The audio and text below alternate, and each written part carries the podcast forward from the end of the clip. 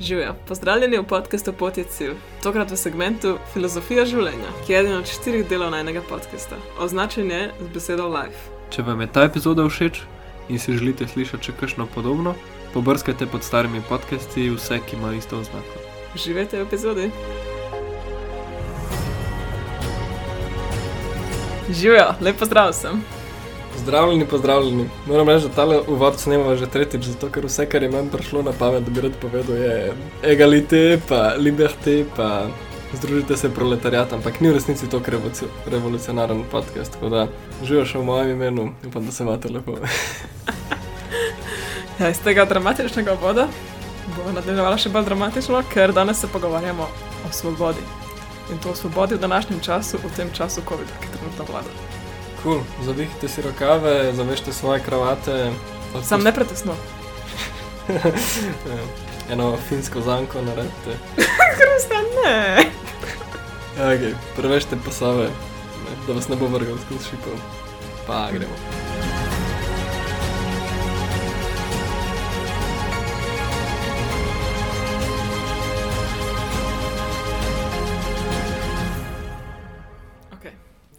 Radi, začnemo?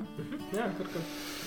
Zdaj, že celo leto pa pol, moče še dlje, dejansko, da smo že kakšno leto pa deset mesecev, je najbolj odmevna beseda, ker jo slišimo vsak dan COVID. In to je večinoma vse, kar se govori, vsak dan se govori o tem, na vseh poročilih lahko najdeš, ne mine noben dan, ko se to ne omenja.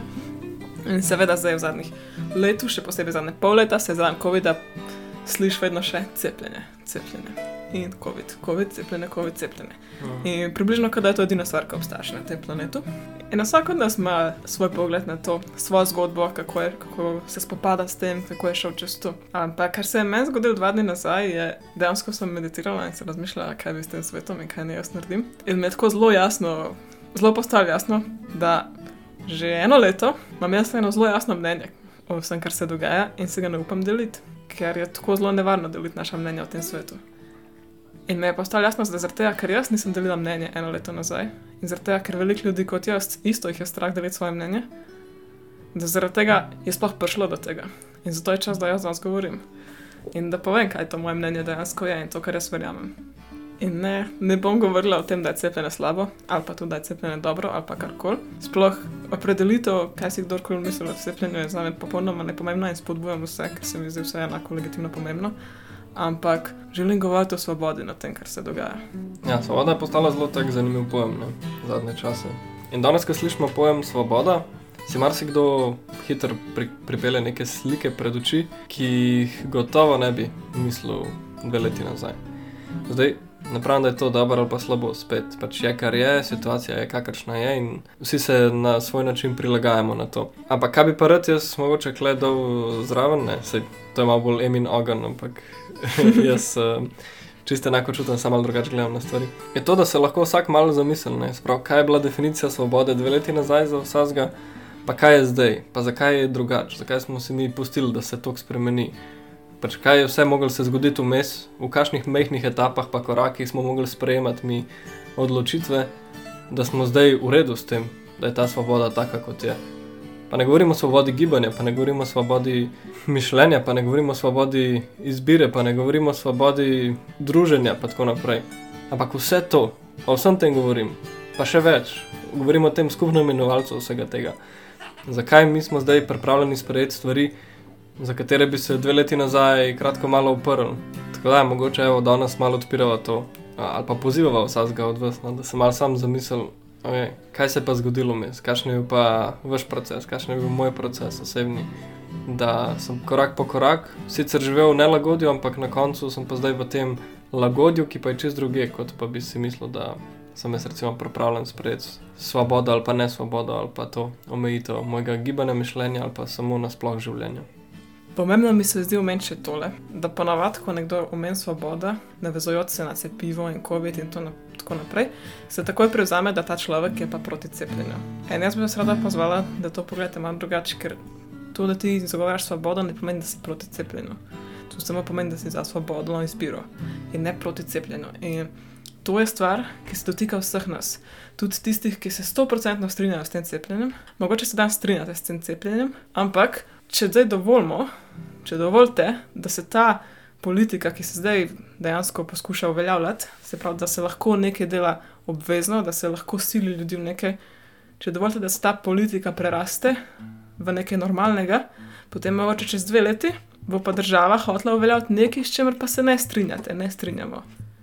In zato je pomembno, da tudi pri takih stvareh, ki se pa bomo rekli, ok, jaz se podpišem po to, da tudi pri takih stvareh potem ne pustimo državi, da poriva to na ljudi, ki imajo drugačno mnenje. Ker en dan bomo mi unik, ki bomo mogoče imeli drugačno mnenje.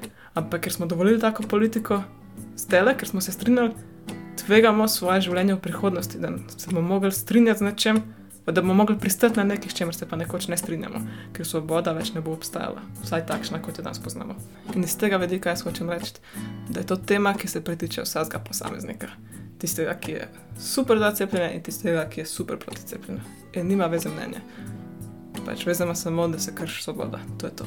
In zdaj, prej se sploh zares spustiva v to, bi jaz rada rekla, da smo mi danes v Novi Zelandiji, ker verjetno že vsi veste.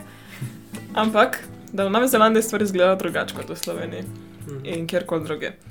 Ker mi smo tukaj šli res ekstra. Tako. Čez noč, čez noč, da besedno čez noč, ker do tega smo bili odprti, čisto v miru in tako naprej. Do tega, da smo potem dobesedno zdaj, v treh tednih, odkar je vlada najavila, da ciljamo 90% precepljenost, so se zgodili takšni ekstremni ukrepi, po mojem mnenju ekstremni, ker je postalo obvezno za marsikatere, marsikatera podjetja, za marsikatere prostore in poklice, da se cepijo. In to gre vse od, seveda, zdravstvenih delavcev, kar bi človek komot razumel, do učiteljev, do potem ljudi, ki delajo v kafičih, v fitnesih, v Frizeraj. frizerjih, ja, v gostinstvu na kakršen koli način, turistično. Vse možno, vse, kar ima veze z ljudmi, od zdaj naprej je obvezno cepljenje. In Trgovine, vse trgovine z na, navadnimi uh. živili. Pač. ja, vsi supermarketi, vsi marketi. Dejansko. In to se je res, to se je presešen, to se je v treh tednih zgodilo. Tako da, v bistvu zdaj ta, ker sem prav moj ogen, moj ogen zelo gori zaradi tega, ker v Novi Zelandiji je to zelo čez noč, pa zelo ne porivajo v nas, ni tako kot v Evropi, ko pogledam, da dejansko sicer so pritiski, ampak je še vedno nekaj izbira. V Sloveniji imaš ta PCT, se pravi, se lahko cepiš, lahko zbereš testirance, lahko si prebolel. Tega tukaj ni. Tukaj No. je. Glede, malo stavo. V Evropi so sprejeli, v, v Grčiji so sprejeli nekaj, kar se imenuje Freedom Pass. Sploh se ne, dela, ne dajo vsi utvar, da je to karkoli drugega kot Freedom Pass.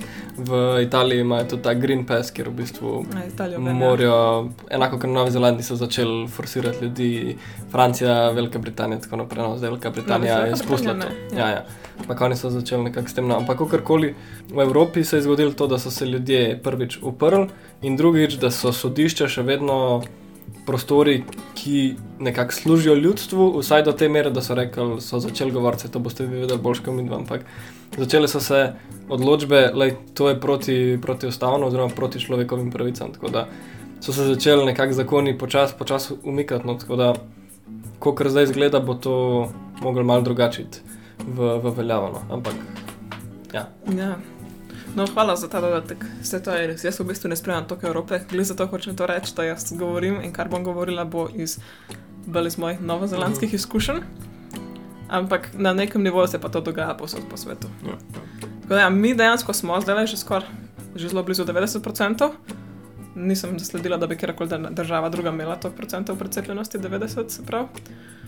Kar je zelo zanimivo, da smo preko noči res prišli do tega. Ljudje sicer se opirajo, ampak te protesti so miniaturni, mi imamo seveda še vedno lockdown, se pravi, ne sme se protestirati, ilegalno je in tako naprej. Medijsko je tudi zelo super prikazano, tako kot bi človek pričakoval v pravi diktaturi. Se pravi, ne, nič se ne prikazuje um, novice, da sploh obstajajo protesti Mm. mm. ali pa da so sploh se zgodili, so minimizirane, na Facebooku se nič ne objavlja, um, poroča se o recimo številkah, ki so veliko manjše, kot so v resnici, se pravi, da, mam, da imajo vsi občutek, da praktično nihče ne protestira, da je vsem to v redu in tako naprej. No.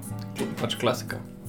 Ja, točno tako, kot si predstavljaš, kot nek polit, neka vlada želi prevzeti kontrolo popolno nad ljudmi. In zdaj, cepljenje samo po sebi je čest čudovita ideja. Pač imamo cepivo, zato da se ljudje ne okužijo, vsaj do neke, da, se, da je obolelost malo nižja, da so posledice malo nižje, da je okuženost malo nižja in tako naprej. In to je super, ampak način, na katerega se pa vlada to loteva, to je pa tisto, če sem se hočem dotikati danes, način, na katerega se svet tega loteva, kot izkoriščanje tega cepiva, v namene, da se dobi popolno kontrolo, da se izolira ljudi, da se promovira razklanost družbe na dva klana, se pravi ljudje, ki bodo zdaj imeli pa Freedom Pass, pa ljudje, ki ga ne bodo imeli, ali pa kako koli že to imenujemo, se pravi Vaccination Passport, cepilni pasport in pa ljudje, ki ga nimajo. Zdaj, ker naenkrat dejansko politika naša ustvarja razklano družbo na dva dela, dva pola, ki se bodo med sabo tepli. In to, to je pa to, kjer pa se, po mojem mnenju, moramo vsi stopiti skupaj. Tisti, ki se želijo cepiti, in tisti, ki se ne. Ampak samo, da vsi skupaj lahko vidimo, kaj se dogaja. Da se izvaja neka čudna kontrola nad nami in razklanost, in se omejuje dejansko človeške pravice, ker pri nas je šlo do te mere, da ljudje zdaj izgubljajo službe. Če se ne bodo cepili, izgubiš službo. Pa ni, uno, da izgubiš službo v bolnici, ok, to tudi, ampak to jaz lahko razumem. Ampak vse mogoče službe izgubijo ljudje čist za mene, po mojem mnenju, je to totalna prisila. Totalna prisila, se pravi, če ti hočeš jesti, če hočeš služiti denar, da boš jedel, se moraš cepiti. To ni več tisto, kar je v osnovnih človekovih pravicah. Se pravi, imamo pravico do zdravja, pravico do izbire, pravico do izbire, kaj bo medicinskega šlo v naše telo. In celo pravico do tega, da ne dajemo eksperimentalnih stvari v naše telo, če ne želimo. Seveda, tukaj se je potem Pfizer cepivo označil kot neeksperimentalen, Tako kot posod. tako kot posod. Ok, se je veliko ljudi dobilo, to je čist res in se je skazalo, da je ta res najboljši. Ampak noben ne omenja te človekove pravice, kot da so zdaj kar naenkrat zginile. In potem tisti posamezniki, ki se dejansko ne želijo cepiti, so izgubili te pravice čez noč in so prisiljeni se cepiti. In ja, imamo ta en plan. Plan, da se precepi čim več ljudi, zato da bomo lahko skupaj živeli bolj svobodno življenje. Ampak mi pa se imenujemo svobodna družba in v svobodni družbi ima vsak izbiro, kar hoče. Čakaj, čakaj. Mi se imenujemo svobodna družba, kdo pa je to kadarkoli rekel. To sam mi zdaj predpostavljamo. Ne? Hmm. Veš, in to je ta problem, ker več vsi mi vidimo kot, ja, se je svobodna družba, ampak delamo to, kar nam rečejo. Tukaj leži ta problem, ker se mi zdi, da ta ideja svobode je nam popolnoma odvojena. Noben se sploh nikoli ne vpraša, kaj je to svoboda. To se mi zdi, da danes sploh govoriva. Pač. A ste se kdaj vprašali, kaj je svoboda za vas? Tako, a je to svobodna družba? A je zdaj svobodna to, da lahko dostopaš ti samo do novic, ki se strinjajo s tabo? In Ne vem, meni se to zdi taka delna svoboda, tako kot da bi imela eno oko poklopljeno, pa pol, pol šest ne bi deloval, pa ne vem, pol možganov bi, bi malo odklopila. Ne vem, mislim. Veš, Zelo, zelo taka fundamentalna vprašanja, ki, jih ti prevzemaš. Tako, čist se, se strinjam s tabo, ne, sem to svobodno, ideja svobodne družbe je zelo, za koga je svobodna, koliko mm. je svobodna, do kere mere, ne. Da se to danes govori v konc koncev. Ne, se to je full over point. Kaj pa je za te svoboda, recimo? Kaj je bila za te svobodna družba? Ker jaz, recimo, sem to demokracijo moje glave vedno povezovala svobodo. Za me je demokracija praktično skoraj pa svoboda že. Ja, ja se klep prijemo do tega, ne, kaj, kaj je svoboda. In, ja, svoboda je veliko stvari na velik načinov in za vsakega verjetno malo drugačno. Ampak kot taka ne, je svoboda definirana tudi ne, v ustavi, to, kar si že te govorila, sprav, da ne rabimo nujno dajati stvari vase, ki jih nočemo, imamo svobodno izbiro, kje živimo, kaj počnemo v življenju, s kom smo, Mhm. um, tako partnersko in prijateljsko. Um, vse to so pač naše svobodne izbire. Ampak jaz nisem ekspert na, defi na definicijah svobode ali karkoli. Ampak vse, kar zdaj govorim in kar razmišljam in kar debatiramo, pride do te svobodne izbire. Se pravi, da jaz kot zavedajoče se bitje, ne mi zdaj definiramo to samo za ljudi, tako da že kle zna biti malo tako razkol med ljudmi. Ne? kaj mi sploh hočemo povedati, ampak ajde. Recimo, da za ljudi smo zdaj to pokrili ne, v teh deklaracijah človekovih pravic, da pač svoboda je to, da lahko ti izbiraš, Hmm. kaj boš delal v življenju. In to gre na vseh nivojih, ne. Se pravi, kje boš živel, praktično od države do države. Pač skoraj v vsaki državi imaš priložnost živeti na nek način. Se pravi, lahko dobiš neko vizo ali pa kakorkoli. Se pravi, do te mere, do tega pač, kjer jogurt boš izbral ali pa v kateri trgovini boš nakupoval ali pa a boš mogoče sam rastel svojo zelenjavo. Pač. Vse to je v redu izbira, ampak pogledaš pol do konca, kaj se zgodi dan danes. To, kar sem rekel, da zbereš, kaj boš jedel. Ja, kje boš zapravil denar, da boš kupil se prav v kjeri trgovini, ali pa boš kupil, ne vem, semena. In noben ti ne pusti, dejansko je protizakonito, da ti vzgajaš svoje semena. Sprav, moraš kupovati semena od enih drugih. Kje je zdaj svoboda izbire, lahko se sam pač pretvarjamo. Jaz, kar bom dan zagovarjal, sem ta svoboda izbire.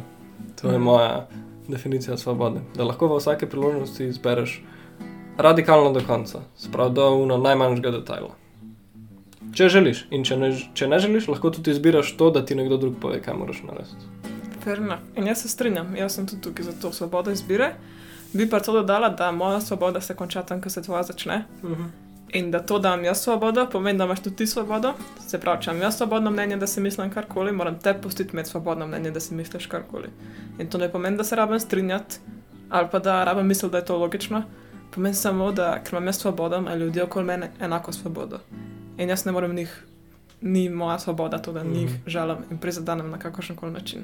Ja, predvsem ta fizični, ta je zelo konkreten, ga lahko Mm. mm. vidiš. Pač, če imaš ti svobodo ubijati, jaz imam pa svobodo živeti, to ne bo šlo skupaj. Ne? Se pravi, mi legalno potegnemo ene črte, to nam je jasno, ok, ne ubija se. Prav, kaj pa če gremo malo naprej, takoj rata sivo, takoj. Res moralnih načel, kaj se sme, kaj se ne sme, kaj bi bilo dobro ali pa ne, je zelo malo črno-belih. Vse je samo tako sivo. Vprašaš pol ljudi, bo rekel tako, pol tako. Eutanazija, droge, zapori, vse je tako, tako sivo, vsak ima malo svoje mnenje. Mm. Jaz bi pa videla to spremembo pogleda na svobodo iz tega vidika, da v bistvu mi smo šli iz dveh let nazaj, ali pa ja, dveh, ja, ko smo bili čisto svobodni, v teoriji, kar že ta svoboda je takrat pomenila, do tega, da smo bili potem čist zaprti. Noben ne smel nič. In ko ne moreš nič, je vsak najmanjši korak, ful lepa nagrada. In zdaj, če bi na dve leti nazaj nekdo rekel, tukaj imaš pasport, cepilni, brez tega ne moreš delati nič, vsi bi se uprli, ker bi bila naša svoboda tako omejena, ker bi si rekel, o, zdaj smo pa vsi silijo cepiti, se pravi, se moram preti. Ampak Mhm. mi smo se zelo dolgo kuhali v loncu, to je kao ono, kad daš miške ali pa žabe, ne vem kako je že. Ja, Ena to anekdota.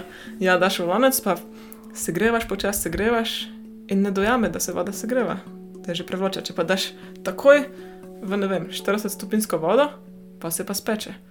Pa je pa takoj ven. V bistvu mi smo se tako počasi privadili na to, da zdaj pa je svoboda nižja. In ker potem smo tako dolgo živeli v tej opresiji, da nismo smeli iz hiš, da nismo smeli več delati, smo prišli iz tega stopnja, da ne vem, včasih, so se ljudje pritoževali, da so maske težka stvar za nositi, do danes, da je to tako najbolj normalna stvar.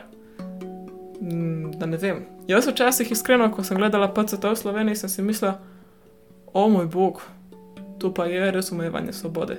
Danes, ko živim v Novi Zelandiji, pa ni PCT, ampak je samo CCC ali pa umri. Ja, se mi zdi tako, oh, wow, PCT je najboljša stvar na svetu, ki so jo kadarkoli naredili, koliko svobode ti to da. In to je ta počasna evolucija, kako smo se mi navadili na to, da zdaj je svoboda za nas veliko manjša, kot je bila dve leti nazaj.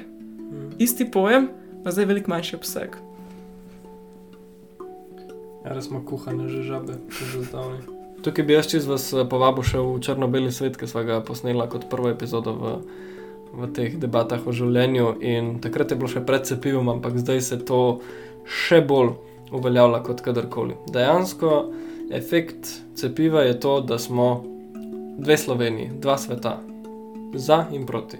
In to je ta groza, ker mislim, groza in genialnost. Ne? Genialnost cepiva, ker je pa COVID-a kot tazga, ampak cepivo prav dotično je to genialno, ker je samo za ali pa proti. In na kjer koli strani si, moraš biti nastrojen proti drugim, zato ker oni omejujejo tvojo svobodo. Vsaj to je nekako retorika današnjega momenta. In to je meni totalno, mislim, ni mi blesavo, zato ker mi ima full smisel, ima full smisla. Zato, ker to je v interesu države, mislim, v interesu tistih, ki imajo moč trenutno, da smo mi razklani, zato ker če smo razklani, se ne moramo združiti in narediti karkoli, da bi spremenili ta sistem, ki ne služi vsakdanjemu človeku, bodimo čisto iskreni. Služi samo unim, ki so na vrhu, služi unim, ki so elite. Pa vem, da boste govorili, da je uni na vrhu, mi smo na vrhu, bla, bla, bla. Ne, res una elita, ki ima ne kuščari, pa ne. Pa ne predsedniki, ampak tisti, kamor se dejansko moč in denar stekata na vzgor. In to je res mali vrh. In oni delujejo znotraj sistema, in karkoli bojo oni sprejeli, bodo sprejeli, kvečem, da se sistem še bolj ukorenini, da je še bolj resničen, še bolj konkreten. Nikoli ne bo noben naredil nič proti. Čeprav to zgleda, čeprav imajo mogoče včasih tako mnenje, pa eni imajo drugo mnenje. Ampak kjerkoli politična stranka, kjerkoli obraz bo gor sedel, vedno bo samo sistem hotel sebe zasidati. In zdaj je ta tako dobra priložnost, da bomo razklali vse ljudi med sabo. Naslednja stvar bo še ena, ki bo pa še tiste znotraj skupin razklala, recimo bomo na četrtine že. In potem imamo še manj možnosti, da bomo najdel skupino ljudi, ki bi pa se lahko povezali, ki bi ustvarjali eno skupnost, ki bi imeli neko moč, tak glas enotnosti, da bi rekli, da imamo mogoče vsi skupaj malo pogledati, kaj pa mi delamo, kako pa mi živimo. No. Mm, vidim, da se je tudi tvoj ogen prežgal. Ampak gre bolj to na, to, na ta sistem, ki ga mi samo sprejemamo. Mi smo mm. tako, ok, normalno je to, da vse, kar se dogaja, je samo normalno. Kdo je to definiral? Pač, zakaj smo mi vsi sprejeli, da je to normalno? Mene je klebelo not, briga me za cepivo. Ja, vse to ne, ker če se spet vrnemo k pač cepivo tle sploh ni osrednja tematika, pri nobeni stvari za nobenega. Ja. Ste vem, da se vse, kar se govori, je cepivo in vse, kar se omenja, je cepivo in anticepilci in zacepilci, procepilci, karkoli že. Vse, kar se omenja, je to, ampak osrednja tematika, je, kar se skriva za tem, je pa ta svoboda in svobodna izbira. In kje je zdaj, tukaj pa se tudi odpre ta odgovornost do družbe. Če imaš ti svobodo, imaš seveda tudi odgovornost potem. Mhm. Če imaš ti svobodo, imaš tudi odgovornost potem. In potem marsikatero vprašanje se tukaj odpre. Seveda, nekomu znanstveno se nam zdi ena stvar, potem kaj nam država govori, se nam zdi druga stvar, posamezno se vsakmu zdi tretja stvar in tako naprej. Vsa ta mnenja obstajajo. In moramo živeti s tem, da svet ima zelo veliko resnic, zelo veliko mnen, zelo veliko dejstev. In vse to je v redu. Ne rabi biti moja resnica čist enaka tvoje in to je v redu. Ampak kar pa jaz sem ugotovila, glede teh cepiv in hočem deliti z vami, je to, da motivacija za ljudi, ki se želijo cepiti, in za ljudi, ki se ne želijo cepiti, je pa čist enaka. In kaj ste mislili? Vem, da boste zdaj rekli, da ni res. Ampak sam da razložim. Človek, ki se odloči cepiti, se želi cepiti, če je ta odločitev prišla iz njega, iz nje, se želi cepiti zaradi tega, ker se želi zaščititi, ker želi to zdravje. Zdravje pred COVID-om, se pravi, seveda, mi želimo to zaščito, ker to je težka odločitev in COVID je težka bolezen, ljudje umirajo od tega, še posebej starejši. In veliko strahu to prenese. In čudovito je, da imamo cepivo, ki nas lahko pred tem zaščiti. In se prav, zaradi motivacije zdravja, zaradi potrebe po zdravju, se pač človek odloči cepiti. In druga stvar je, človek se odloči cepiti zaradi motivacije po svobodi, potrebe po svobodi. Se pravi, da se bo spet odprl ta svet, da bomo lahko spet živeli normalno, kot smo prej, ker kar je COVID prineslo, so zaprte hiše, zaprte meje, zaprta življenja.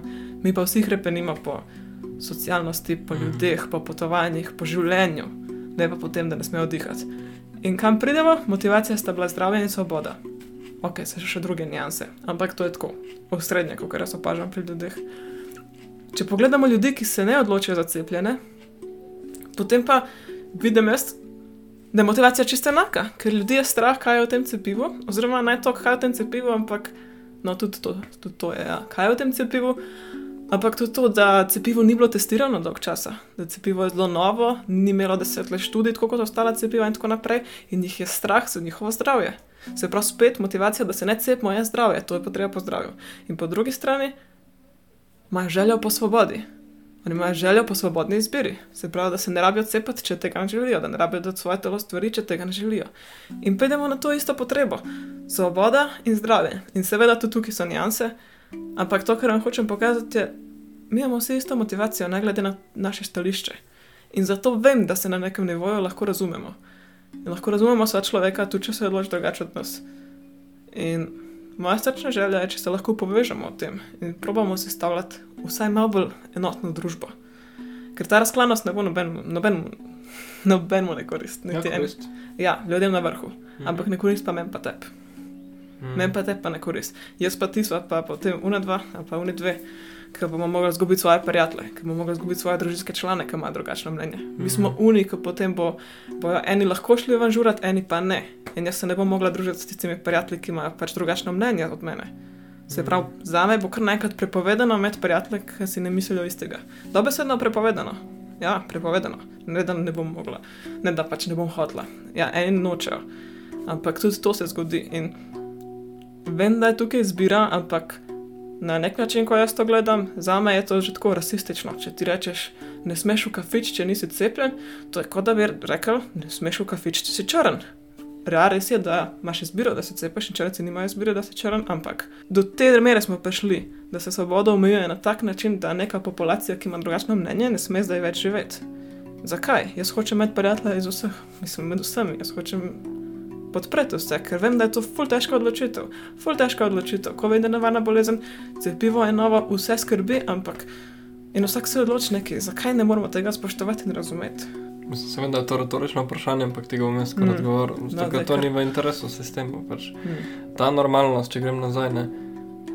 To, kar je normalno, ali pa to, kar naj bi se promoviralo, pa tako naprej, je zelo prisotno v recimo, politiki. Ne? Se Pravi, na kakšen način se formirajo zakoni.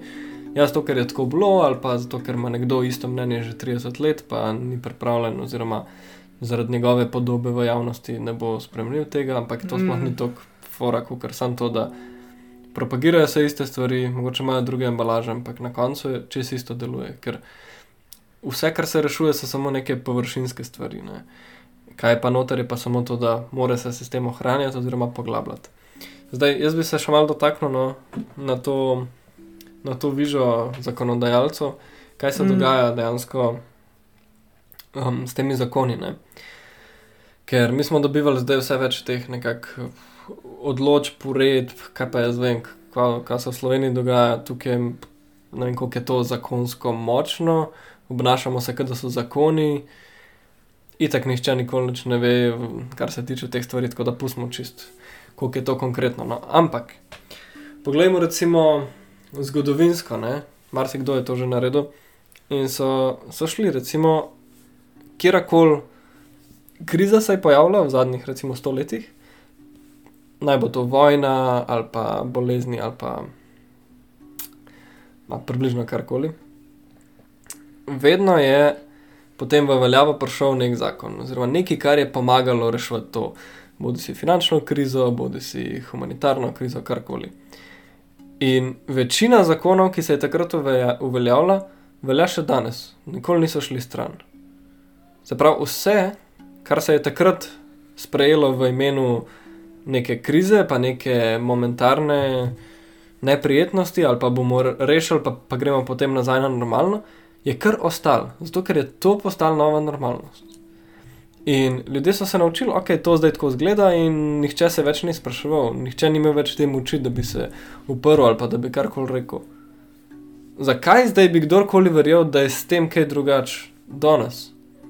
Zakaj mi verjamemo, da bomo, ja, ja, samo še pocepimo se vsi, vse prisilimo, da se cepijo in potem smo nazaj na normalno? A se vam ne zdi, da bo mogoče, ne vem, še vedno imela policija več moči, kot je imela dve leti nazaj? Ali pa da bo lahko vlada tako le sprejela en zakon, samo zato, ker jim to paše? Ali pa da bodo lahko uporabljali vojsko proti civilistom, ki protestirajo? Ne vem, zakaj bi kdorkoli verjel, da to nekoč bo spet tako, kot je bilo, se pravi, da se ne sme delati takih stvari. Jaz nisem toliko zaupljiv, da bi rekel, ok, mislim, da boste, ne vem, držali besedo ali karkoli že to pomeni, pa bomo potem nazaj na normalno.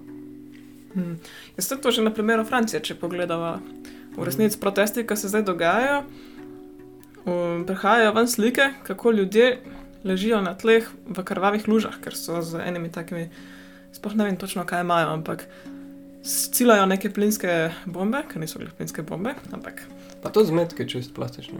plastične metke tudi. No, Ja, ja, in to bi načeloma morali ciljati v tla, zdaj pa Mhm. ciljajo kar ljudem, pa v oči grejo stran, mislim, uničijo jim oko za življenje, pa tako naprej. In ljudje dejansko ležijo v luži krvi. In glizanc sem se pogovarjala z enim francozom. On je rekel, če bi se to par let nazaj zgodilo, cel svet bi bil na nogah, vsi bi se pritoževali. Mhm. Danes pa vsak teden prihaja ena slika ven in to je že normalno. Ja, zato, ker rečejo, ta človek ni bil cepljen. No, dober, mogoče ni. Pač, ampak ja, te protesti, pač protesti, karkoli kar se že protestira, zdaj verjetno glede cepljenja, vse, ampak zdaj je kar v redu to, da se je kaj. Dejansko oslepili ljudi, ali kaj? Zaradi tega, ker so se upali na ulico? In zakaj, zakaj, kdo tebi zagotavlja, da čez deset let bo pa spet tako, kot je bilo deset let nazaj, da boš lahko šel na ulico in te ne bo nobeno strelo? Ja, vse to ne. Dejansko se tudi s tem, ko imamo to razklanost, ne, se pravi proti pa za, se upravič vse večje nasilje. Mhm. In kar naenkrat smo rekli, ok, le, ja, policija v Sloveniji, ja, lahko v svoje vodne tanke zmešate sozivc. Zato ker cepljenje, ker kriza, ker COVID. V bistvu je čisto vse, kar spodaj piše, zato ker je iste vrste nesmisel, kot pa če bi bilo nekaj lepo napisano. Lahko se samo o tem nekdo podpiše in čau. In to je ta stvar, ki me, ki me ne skrbi. Ne. Sprav, zdaj smo kar rekli, ok, odločite se za nas, zato ker je kriza. Ampak kaj, bomo kar živeli celo življenje v krizi. Ne vem, meni to ni to taka prioriteta, ampak dejansko moram zbirati med, pač, a grem v Slovenijo, kjer je tako, ali pa grem klek, ki je isto. Sprav, kaj, moje izbire so zelo omejene, imam svobodo izbirati med dvema, dvema stvarima, oziroma dvema sistemama, ki mi nista všeč. No. Mm. Če sklale bom vrgel noter še eno tole, um, rečemo temu dejstvo, oziroma lahko pogledate Luke Camp iz, um, iz BBC Global, mislim, da je bilo objavljen. Um, je redel eno študijo, no, kjer je v bistvu klasificiral države kot, tako, jaz bom povedal po svojih besedah, se pravi v oblikah, da so bodi si zaprte ali pa neka opresija se izvaja ali pa na kakršen koli način krčene, kršene neke človekove pravice. Da trenutno v tem svetu 87% ljudi na tem svetu živijo v takih državah. Se pravi, nova normalnost v tem svetu je postala, da so človekove pravice drugorazredna problematika.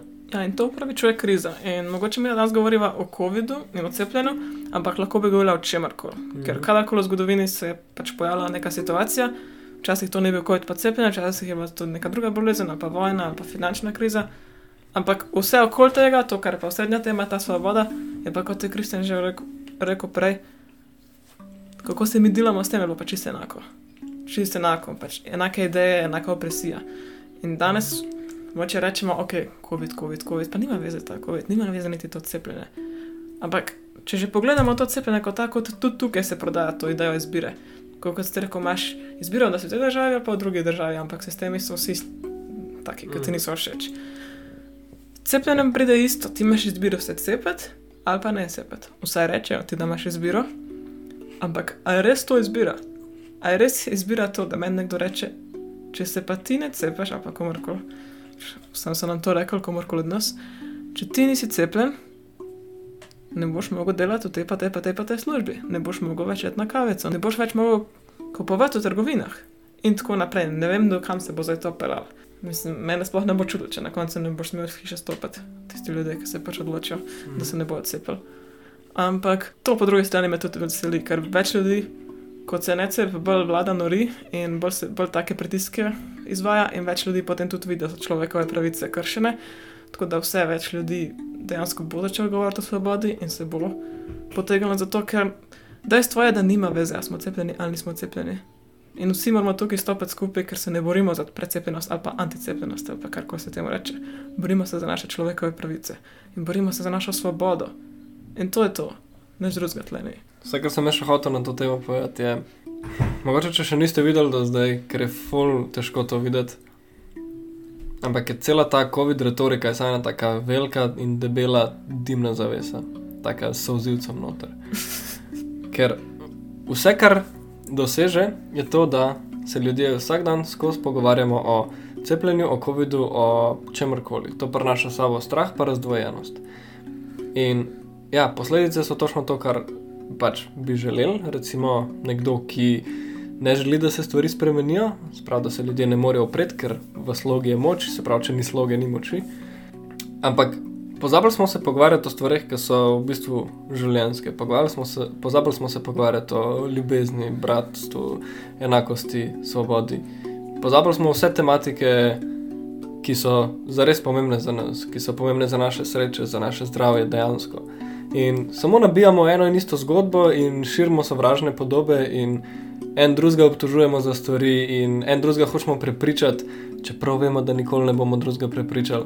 Sam zato, ker to paše svoje mnenje, da je dven ali pa karkoli že je ta motivacija. Ampak sam rad bi vas povabil, da sam vsake tok z nekom, ki ga srečate, rečete, kako si pa res, kako se pa tvoje srce počuti, ali pa kaj pa res delaš, ali pa bi šel početi nekaj, kar pa je nama obema res lepo početi. To ne da se samo zdaj pogovarja o, o COVID-u in o cepljenju in to, ker pa samo energijo temu dajemo. Zakaj ne bi energijo? Mi smo živa bitja, zelo živa bitja, z veliko energije, veliko stvarjalne in kreativne. slev v, na, v, naš, v naših telesih. Zakaj ne bi uporabljali za nekaj, kar je pa res v tem servisu, nekako služi življenju? Na, zakaj moramo delati stvari, ki nas praznijo, zakaj moramo delati stvari, ki nas ločujejo? A lahko samo za trenutek tako promoviramo ljubezen pa povezanost. Sam to pa. Pustimo, kdo se hoče opreti, pa pustimo, kdo je svoboden, pa ni, ampak samo tako, da se vidimo kot ljudi. No. To je čisto ena taka prošnja, že zdaj na koncu. Plis bodite ljudje in sprejmite ljudi, ki so kot so. Ne glede na to, kaj imajo teleso. No. A pa nimajo. Ja, v bistvu, v bistvu to, kar si zdaj rekel, ne. ta ljubezen, to je najboljša oblika upora, kar mi imamo. Hm. Ostati v ljubezni in ostati mirni, noben tega ne more premagati. To je tisto, to je tisto kar pač ti v resnici ta svoboda na koncu dneva, biti v ljubezni. In s to ljubeznijo prihaja tudi ta empatija do so ljudi. Razumevanje do so ljudi, da vsi, vsi, vsi, vsak od nas hodi čez neko težko zgodbo v ta trenutek, ima neke strahove, mogoče svoje, mogoče družbene. In ne glede na to, iz, da, ne glede na izbiro, ki jo pač izbere zase, se zadnji skriva veliko strahu in bolečine, in zato se lahko pravimo podpreti kot ljudje, podati roko človeku, so človeku, je v bistvu rab pomoč. A se ti res, a se, mislim, a se res komorkoli na svetu zdi vredno? A se res, tako, če se vrnemo v srce, nekomu zdi vredno, da zaradi tega izgubimo stike z družinskimi člani in s prijatelji, ker imamo drugačno mnenje? Ali pa da se pogovore začne s tem, o, jaz pa sovražim cepilce, ali pa o, jaz pa sovražim anticepilce. Kaj pa je tvoje mnenje? Tako. Ne, model nisi me vprašal za mnenje. Pač jaz ne morem odgovoriti svobodno, kaj je moje mnenje, ker si ti že povedal, da če bom slučajno imel drugačno mnenje, sem že mrtva za te. A se lahko pogovarjamo kot ljudje in podpiramo odločitve, ker res na koncu dneva vse nja si cepljen ali nisi cepljen. Prosim, jaz res podpiram kogarkoli, ki se želi cepiti, da se cepi in kogarkoli, ki se ne želi, da se ne cepi, ker je to svobodna izbira.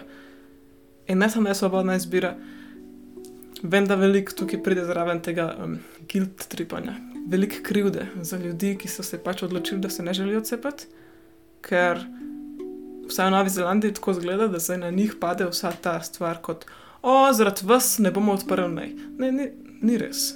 Država se odloča odpreti mej, ni zaradi teh ljudi. In te ljudje morajo zdaj bogati na svetu, kot in kaj ne oni. Noben noče škode drugemu, noben ni tukaj, da škodi drugemu. Noben ne želi tega. In enako se potem anticepilci, sploh nočem govoriti anticepilci, ker marsikdo sploh ni anticepilc. Pač marsikdo je globoko cepljen v svojem življenju, pa samo noče biti cepljen zdaj, ker še ni to cepivo. Dož časa tukaj z nami, da bi bilo preverjeno. Ampak ljudje, ki se ne cepijo, enako potem pljuvajo po drugih cepilcih, o, zaradi vas nimamo svobode in tako naprej, vi ste krivi in potem morajo oni se brati nazaj in tako naprej. To, to nima nobene konstruktivne rešitve, res je nima.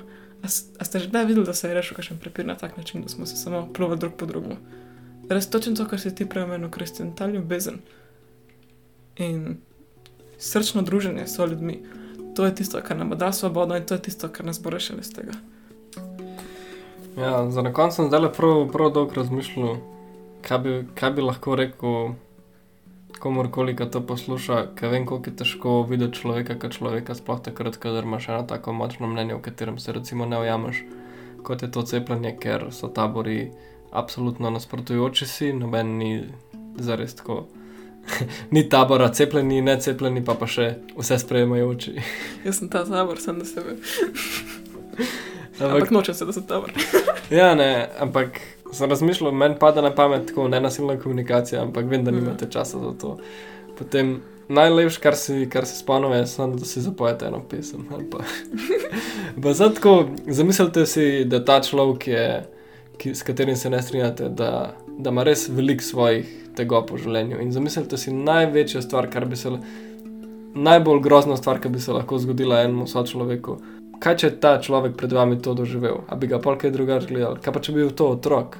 A bi ga kaj drugače gledal? Kako lahko vidite dušo samo kot dušo? Najte to svojo tehniko, pa si naredite lepše življenje. Pa sprejmite ljudi, pa boste tudi vi bolj srečni, ne vem, kaj naj vam drugega rečem. Mislim, delite, kar hočete, to je point, ampak dajte si darilo sprejemati ljudi. No. Ja, ampak ene stvari pa ne boste mogli zavedno delati, ne boste mogli zavedno živeti, ker imamo vsi omejen ta čas na zemlji. Tako da lahko pravimo ne zapraviti za sovraštvo, pa razdvojenost, pa take stvari, ampak zato, da vohamo rožice, pa da se imamo lepo, pa da širimo lepe misli, nasmehe in užitek. Hm. Dobro, zapravite svoj čas. Na svobodo. Aha.